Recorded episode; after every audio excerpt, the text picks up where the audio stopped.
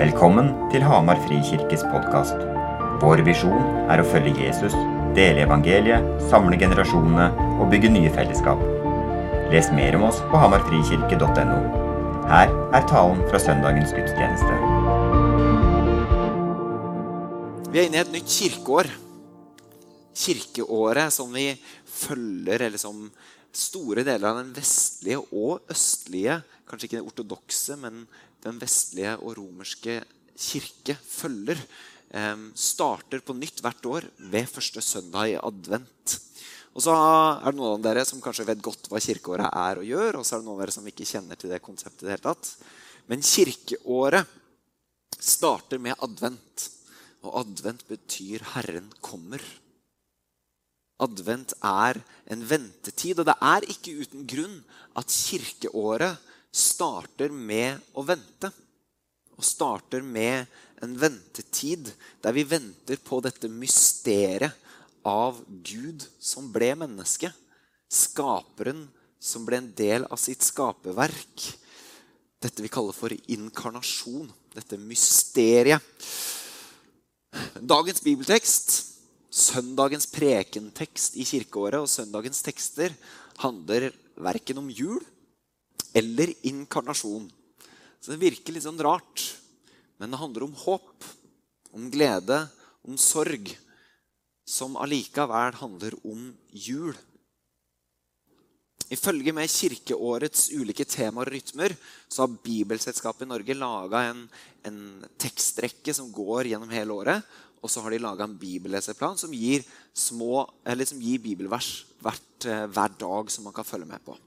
Og den rekka som har vært den uka som har gått nå, har alle tematisert håp, sorg, lengsel, eh, nyskapelse i ulike toner og ulike tekster. Denne uka rommer hele Guds historie. Om skapelse, om synd, om sorg, om lengsler og om håp. Og Vi leste bl.a. i Romerne 8 på tirsdag, tror jeg det var, der det står om at alt det skapte, sukker og lengter etter en nyskapelse, etter å bli redda, etter å bli helbreda.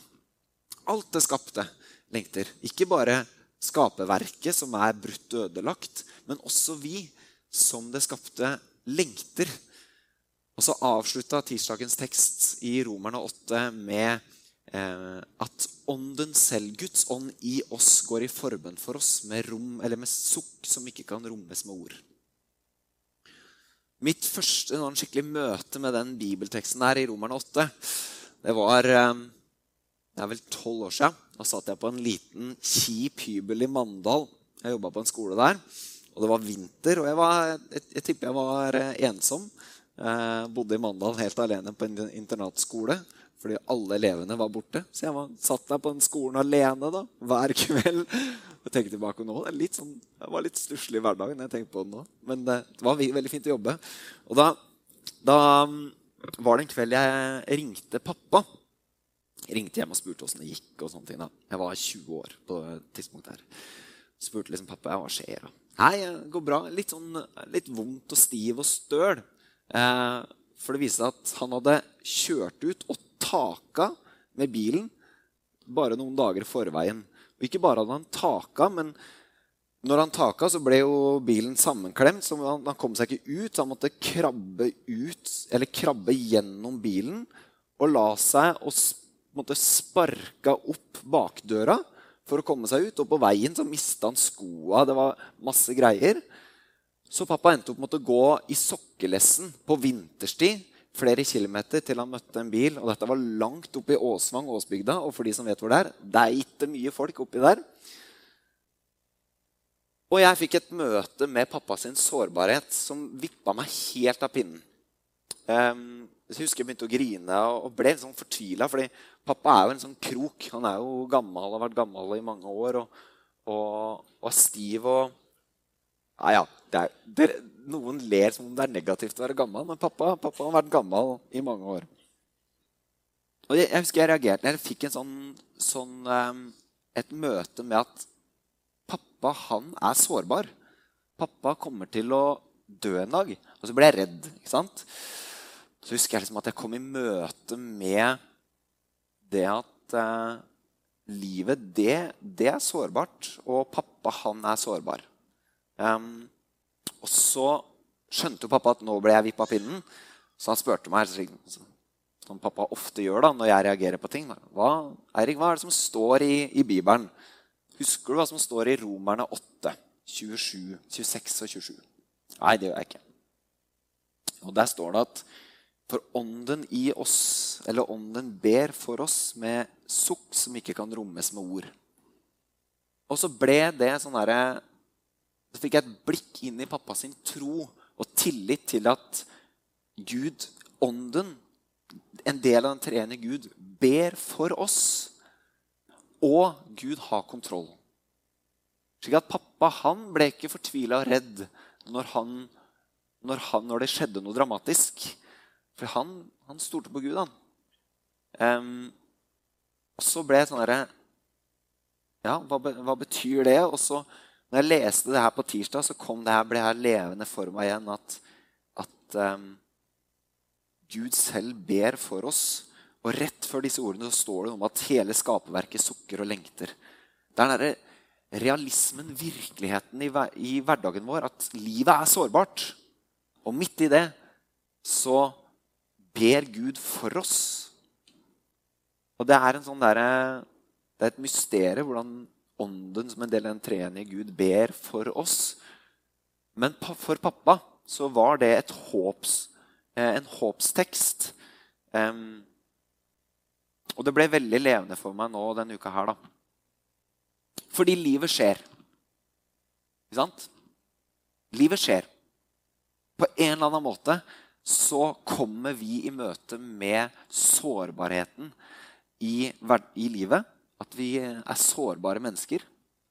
Og vi kommer i møte med et skaperverk som er ødelagt på en eller annen måte fordi det sukker og lengter etter at Gud skal helbrede og fornye det. Og Jeg har lyst til å snakke om hvordan vi skal forholde oss til det. Hvordan skal vi forholde oss til sårbarheten i livet? Har vi håp? Så de av dere som har en bibel, dere kan slå opp i Johannes kapittel 16, som er dagens prekentekst. Og så skal vi se litt på det. Og så skal vi snakke litt mer. Johannes kapittel 16, der står det fra vers 16 og utover. Om en liten stund Jeg skal forklare dette etter hvert, men jeg, jeg, leser det først. Om en liten stund ser dere meg ikke lenger, men om en liten stund igjen skal dere se meg. Da sa noen av disiplene hans til hverandre, hva mener han med å si om en liten stund ser dere meg ikke lenger, men om en liten stund igjen skal dere se meg, og jeg går til far? Hva mener han med om en liten stund? Vi skjønner ikke hva han snakker om. Jesus visste at de ville spørre han, og han sa, Snakker dere om det jeg sa, om at om en liten stund ser dere meg ikke lenger, men om en liten stund igjen skal dere se meg? Sannelig, sannelig, jeg sier dere. Og Da er det viktig når Jesus sier 'sannelig, sannelig', han må alltid stoppe opp når du leser Bibelen. Viktig. Um, sannelig, sannelig, jeg sier dere. Dere skal gråte og klage, men verden skal glede seg. Dere skal sørge, men sorgen skal bli forvandlet til glede. Når en kvinne skal føde, er hun engstelig, for hennes time er kommet. Men når barnet er født, har hun glemt smertene i sin glede over at et menneske har kommet til verden. Også dere er engstelige nå, men jeg skal se dere igjen. Og hjertet deres skal glede seg, og ingen skal ta gleden fra dere. På den dagen skal dere ikke ha mer å spørre meg om. Sannelig, sannelig, jeg sier dere, hvis dere ber Far om noe, skal han gi dere det i mitt navn. Hittil har dere ikke bedt om noe i mitt navn? Be, og dere skal få, så gleden deres kan være fullkommen. Den teksten her den kommer igjen i en eh, undervisningsrekke i forbindelse med eh, at Jesus feirer nattverden med sine disipler. Så Det er en del av den siste undervisningen Jesus gjør før lidelseshistorien, som vi skal høre om i påska. Og Han har nettopp sagt at eh, jeg skal forsvinne, men jeg skal sende dere en talsmann, Den hellige ånden. Så han har pekt på, fram på at han skal dra opp til himmelen og sende Den hellige ånd. Dette er konteksten dette står i. Og da er spørsmålet hva betyr 'om en liten stund'? Om en liten stund skal dere sørge, om en liten stund skal dere se meg igjen, om en liten stund skal dere glede dere. Jo, det peker jo nettopp på at etter oppstandelsen, som han gir et frampek på, og etter at dere har fått Den hellige ånds gave, så skal dere glede dere. Så skal sorgen bli snudd. Og denne sorgen og klagen som Jesus peker på her, som disiplene ikke skjønner noe av, det er jo sorgen og gleden de kommer til å erfare når Jesus dør, når han skal lide. Og denne sorgen og den gleden, eller den sorgen og klagen, den skal snus til glede. Og så står det at verden skal glede seg. Og det er interessant, fordi i samme evangelium, Johannes-evangeliet, så starter det i kapittel 1 med at verden, hans egne, tok ikke imot ham. At verden tok ikke imot Jesus. Og så står det at verden skal glede seg. Og det peker jo nettopp på at det Jesus snakker om her, som er sin lidelse, sin korsfestelse, sin oppstandelse og Den hellige ånds gave, skal bli til et gledesbudskap for verden. Til den verden som ikke tok imot ham. Og Det er nettopp derfor vi får ordet evangelium, gode nyheter. Det er et gledesbudskap. Verden skal glede seg og få gode nyheter ved det Jesus skal gjøre. Og det er den samme verden som ikke tok imot ham, som det står i kapittel 1. Så er det veldig interessant at det står 'Jeg skal se dere' i vers 22. Eh, men jeg skal se dere igjen. At det står 'Dere skal ikke se meg, så skal dere se meg'. 'Dere skal ikke se meg, så skal dere se meg'. Og så kommer det 'Men jeg skal se dere igjen. At det er en kontrast der. Ikke en motsetning, men en kontrast. hvordan det, det, snakkes om at de skal ikke få se, disiplene skal ikke se Jesus. Men han skal se dem. Og det tror jeg er et ord til oss i dag. At der vi mister Gud av syne, der er vi sett fortsatt. At Gud ser oss, selv om vi ikke ser Han. Og så kommer det Og den dagen skal dere glede dere. Hjertet deres skal glede seg, og ingen skal ta gleden fra dere. Og jeg, jeg veit ikke med deg, men, men eh, jeg tror ikke disiplene alltid kjente på så mye sånn gledesfølelse. Hva slags glede er det det er snakk om her? For det er så lett når vi leser Bibelen, at når vi leser adjektiver, så tenker vi at det er følelser knytta til 'jeg skal være glad'. Men det, det, mener jeg er en forenkling, og at vi ikke tar og studerer ordet skikkelig. Vi bare leser det med våre egne øyne. For, for hva er det han egentlig mener? Og Det er derfor konteksten er viktig når vi leser dette. Fordi hva er denne gleden som vi skal få erfare? Jo, det er at Den hellige ånds gave skal bli gitt, så vi får relasjon med Gud. Det er den ene siden av gleden. Det er ikke 'dere skal være sykt happy', men det er 'dere skal få en gave når jeg drar', som gir dere en direkte relasjon til jeg, til meg, som har gått opp til himmelen. En direkte relasjon til Gud i og ved Den hellige ånd. Og så er det én glede til som vi, får, som vi skjønner i vers 23. På den dagen skal dere ikke ha mer å spørre meg om. Og det er den andre siden av gleden. At vi skal få svar. Fordi jeg har veldig mye spørsmål overfor Gud. Og det regner jeg med at vi alle har. Og disiplene de var jo sykt forvirra. De skjønner jo ingenting. Det var jo gjentagelse på gjentagelse på gjentagelse vi leste. De er jo kjempeforvirra. Hva betyr det greiene her? Og så sier Jesus denne dagen, på den dagen skal dere ikke ha mer å spørre meg om. Og Det peker både på at etter oppstandelsen så skal de få se han direkte. Og de var sammen i 40 dager. Og etter himmelfarten så skal de få Den hellige ånd, som det står at skal fortsette å vise og fortelle Guds sannhet og vilje. Og det, Vi har jo innsikt i det gjennom Guds ord.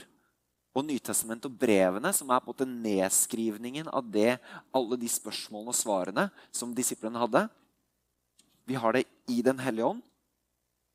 Men vi får ikke, spørsmål, vi får ikke svar på alt. Det er noen spørsmål vi ikke kommer til å få svar på før vi er sammen med Jesus. Så denne gleden den er todelt. Det er det at vi får Den hellige ånd, men det er også at vi får svar. Men denne gleden har ikke en bismak, men den har et paradoks i seg. Nemlig det at ja, vi skal få glede, vi skal få kjenne Gud, vi skal få svar. Men ikke fullt og helt. Så det er en glede som ikke er 100% i den forstand at Gud har ikke fornya sin himmel og sin jord. Han har ikke frelst verden. Eller han har frelst. Han kom med sitt rike. Og Når vi snakker om dette i teologien, så snakker vi om at Guds rike er her, men ennå ikke helt. At gleden kom, men den er ennå ikke hel. Vi har fått svar, men ennå ikke helt. Og dette paradokset, dette mysteriet, er krevende å forholde seg til for mange av oss. Fordi vi ser alt Gud gjør med andre. Vi hører om løftene, vi leser ordet. Og så, ja, men hva med meg? Hva med min sorg? Hva med min smerte? Hva med det jeg venter på? For hvis vi har en teologi som tenker at fordi jeg tror på Gud, så skal jeg være glad hele tiden.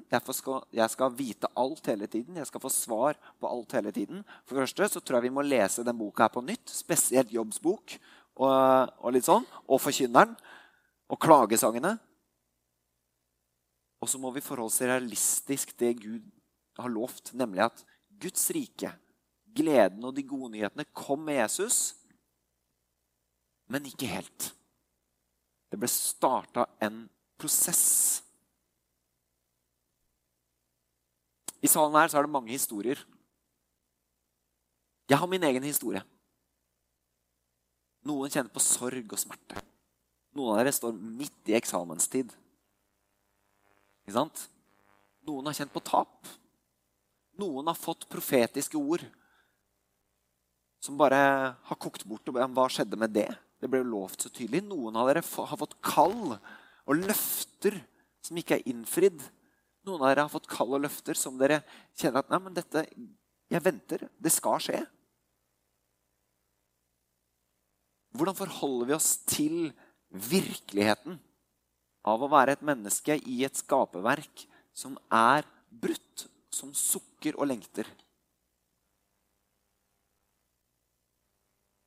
Kanskje du kjenner på brutte relasjoner, tapte muligheter. Og her så vil jeg anbefale Salmenes bok på det aller, aller, aller sterkeste. Fordi majoriteten Ja, jo jeg, Mange av salmene rommer klage over det som ikke er. Og dette Salmenes bok som et poetisk verk, det er et mesterverk av poesi og samlinger. Og hvordan forholdt de seg til dette? Jo, de sa bl.a. hvor de sang ofte i tempelet disse ordene i Salme 37 fra vers 3 og utover. Stol på Herren og gjør det gode. Bo i landet og ta vare på troskap. Ha din lyst og din glede i Herren, så gir Han alt ditt hjerte ber om.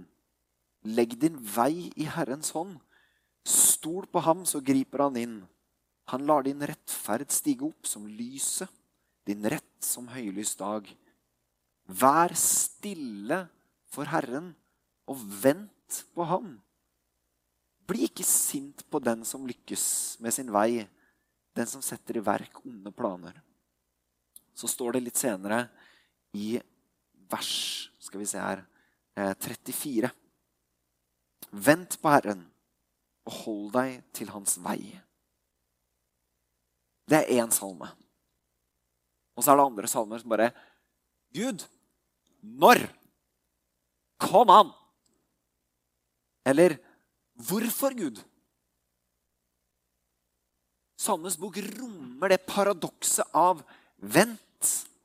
Han har gitt deg løfter og klage for når. Det skjer ikke. Vi må romme dette. Vi må romme det realistisk, og Guds ord rommer det.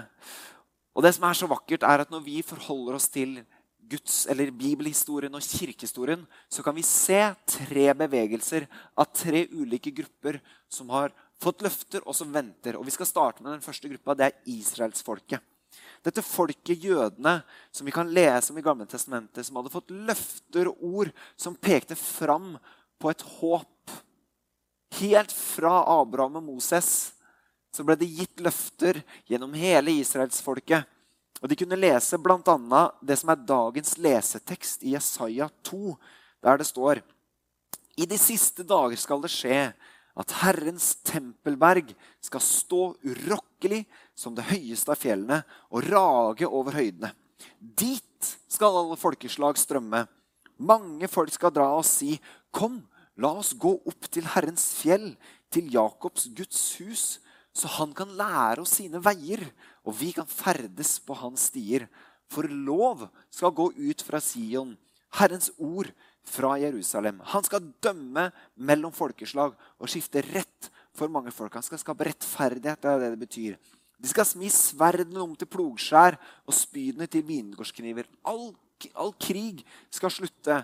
Folk skal ikke løfte sverd mot folk og ikke lenger læres opp til krig. Kom, Jakobs hus, la oss vandre i Herrens lys.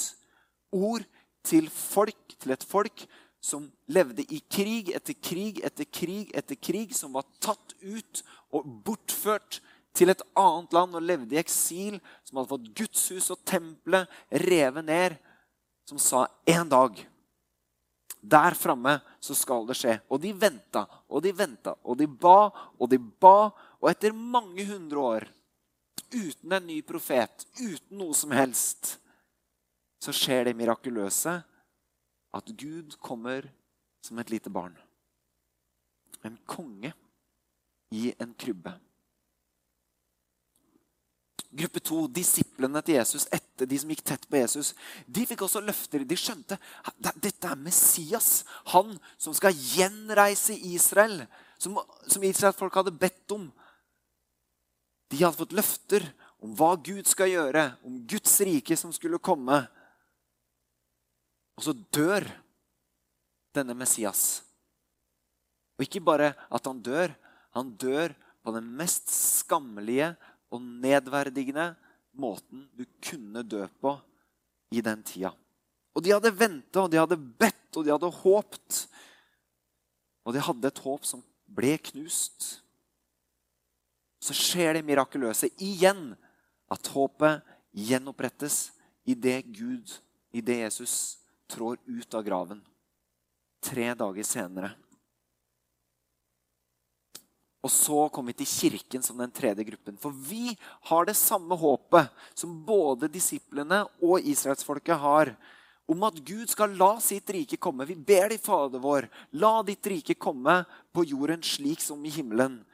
Og vi har fått løfter om at Gud skal skape en ny himmel og en ny jord. Og all sorg, all tårer, alt skal skje rettferdig, og alt skal bli godt. Og vi har et håp. Og vi venter og vi venter og vi venter. Og så står vi med én fot i Guds rike med løftene og én fot i en verden som er brutt og ødelagt. Hvor alt som er kjipt, kan skje. Og vi har fått tekster og håp og løfter til oss. Og den andre leseteksten for i dag står i Hebreerne 10, der det står ja, dere led med dem som satt i fengsel. De første kristne led. De ble forfulgt. De ble brent levende i Colosseum. Og vi kan oppleve motstand, sorg, lidelse, angst og frykt. Så har vi disse ordene. Ja, dere led med dem som satt i fengsel, og fant dere med glede i at alt dere eide, ble røvet fra dere. Hva hadde du gjort hvis noen hadde kommet og tatt alt du eier og har. For dere visste At dere eier noe som er bedre, og som varer. Kast ikke vekk frimodigheten, for den gir stor lønn. Dere trenger utholdenhet, så dere kan gjøre Guds vilje og vinne det som er lovet. For ennå er det bare en kort stund, så kommer Han som skal komme. Og han skal ikke drøye. Det er 2000 år siden. Min rettferdighet skal leve ved tro. Men trekker han Min, min, min rettferdige skal leve, leve, ved tro. Men trekker han seg unna, har min sjel ingen glede i ham. Vi er ikke av dem som trekker seg unna og går fortapt. Vi er av dem som tror, og som berger sin sjel. Vi kan ikke snakke om håp, vi kan ikke snakke om det å følge Jesus uten å snakke om en ny himmel og en ny jord. Midt i historien som vi er i, som vi kan lese om, så stiger Gud ned som et lite barn i inkarnasjonen. For ved dette mysteriet så grep Gud inn i historien. Han grep inn i den smertefulle historien. Skaperen ble en del av det skapte. Og korset der Jesus lot seg torturere, lide og dø for å sone for vår synd og skyld, for å la Guds vrede over synd og urettferdighet og lidelse ramme seg selv. Der dør Guds sønn og tar vår plass og vår straff. Så går det tre dager, så seirer han over døden og står opp. Men ikke bare at han står opp. Han står opp med sin kropp, med en ny, annerledes fysisk kropp. For å forstå håpet må vi se på Jesus etter oppstandelsen. Samme kroppen, sår i fingrene, men han var ikke bundet av fysiske lover. Samme, men noe annerledes. Samme, men noe bedre. Samme, men helt ren, helt hellig, helt perfekt. Fri fra alt som er bundet, eller som binder. Inkarnasjonen, korset og oppstandelsen gir oss et rammeverk for å forstå håpet. For vårt håp er ikke at vår sjel går til himmelen når vi dør. Det er en veldig vanlig misforståelse i, i kristne kirker. Men det er en grov forenkling av håpet. Ja, når vi dør, så skal vi være sammen med Jesus. Men håpet er at vi skal stå opp med en kropp lignende Jesus sin kropp etter oppstandelsen, til en ny himmel og en ny jord. Denne jorden, men ny. Bedre. Om Gud skaper noe helt nytt, eller om han fornyer dette, det veit vi ikke. er ikke så viktig. Men håpet vårt er knyttet til noe fysisk. Noe som er nytt. Ikke at vår sjel går til himmelen, og der skal vi leve i evighet flytende på skyer og spille harpe. Det er en forenkling. Håpet vårt er knytta til noe fysisk. Til en ny himmel, til en ny jord. Til at Gud skal dømme og la rettferdighet skje. Og mens vi venter i håp, mens vi lengter, så lever vi i advent. I ventetid på at Herren skal komme. Og mens vi lever i advent, så kan vi be. Vi kan erfare, og vi kan smake at Gud er god når vi får glimt av dette riket som er her, men ennå ikke når noen blir helbreda, når noe godt skjer, når vi får smake et godt måltid, når vi kjenner granlufta i skogen eller den friske vindpusten på fjellet, så smaker vi at Gud er god, eller når noen gjør godt mot oss. Mens vi lengter, og mens vi ber, så vandrer vi trofast i rytmer i disse åndelige rytmene som vi har snakka om de siste ukene, så kan vi vandre i rytme, i tillit til at dette bærer. dette livet i trofast etterfølgelse, det holder. Ja, det er smerte. Ja, det er lidelse. Men det holder. Fordi vi har et håp om det som kommer. Og så ber vi om at Gud skal la oss få smake av Hans rike. Vi skal fortsette å be. Men vi har vårt håp til det som er der framme. Vi skal la rytmene bære oss gjennom sorgen og håpet. Og så er det én ting som er viktig her. Og det her er Kirken som familie kommer inn. Og det er at Kirken skal bære hverandre i dette. Jeg står midt oppi det. Jeg opplever at Kirken bærer meg som bare det om dagen, med hjelp på alle mulige fronter. Og det er godt. Men alle i kirken skal bæres. Alle skal bli sett. Fordi vi er én familie. Og ikke én eneste er verdt å miste. Alle skal bæres. Men da må vi kanskje dele sorgen og håpløsheten, slik at folk kan se at vi trenger å bæres. Og det skal dere få en mulighet til å gjøre nå. Lovsangsbandet kan få komme opp. Men jeg ønsker å gi en mulighet til at hvis du kjenner på håpløshet Og det kan være så banalt som at jeg gruer meg som bare rakkeren til eksamen. Null problem. Vi skal ta den på alvor. Det er ikke, det er ikke feil å synes eksamen er noe herk. Det er helt innafor. Men hvis du kjenner på sorg, tap, lengsel, fortvilelse Hvis du kjenner på håpløshet, hvis du trenger å bli båret, så skal du få en mulighet nå, enten ved å komme fram, knele eller rekke opp en hånd, eller hva det skal være. Så vil vi velsigne deg. Så kommer jeg og Hilde og, og de som er bønneansvarlige i dag, vi kommer til å legge hånda på deg og velsigne deg.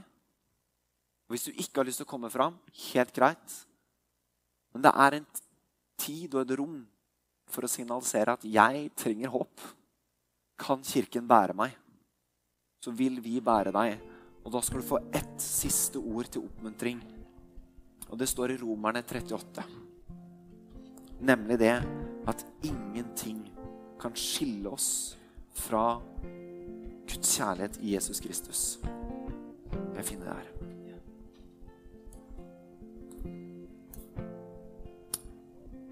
Det står For jeg er viss på at verken død eller liv, verken engler eller krefter, verken det som nå er, eller det som kommer, eller noen makt, verken det som er i det høye eller i det dype, eller noen annen skapning, skal kunne skille oss fra Guds kjærlighet i Jesus Kristus.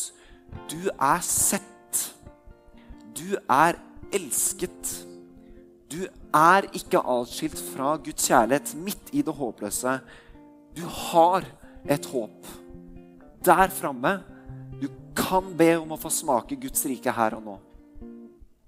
Det er et håp for enhver som trenger å bli båret. Vi blir sett først, og vi skal se og elske hverandre.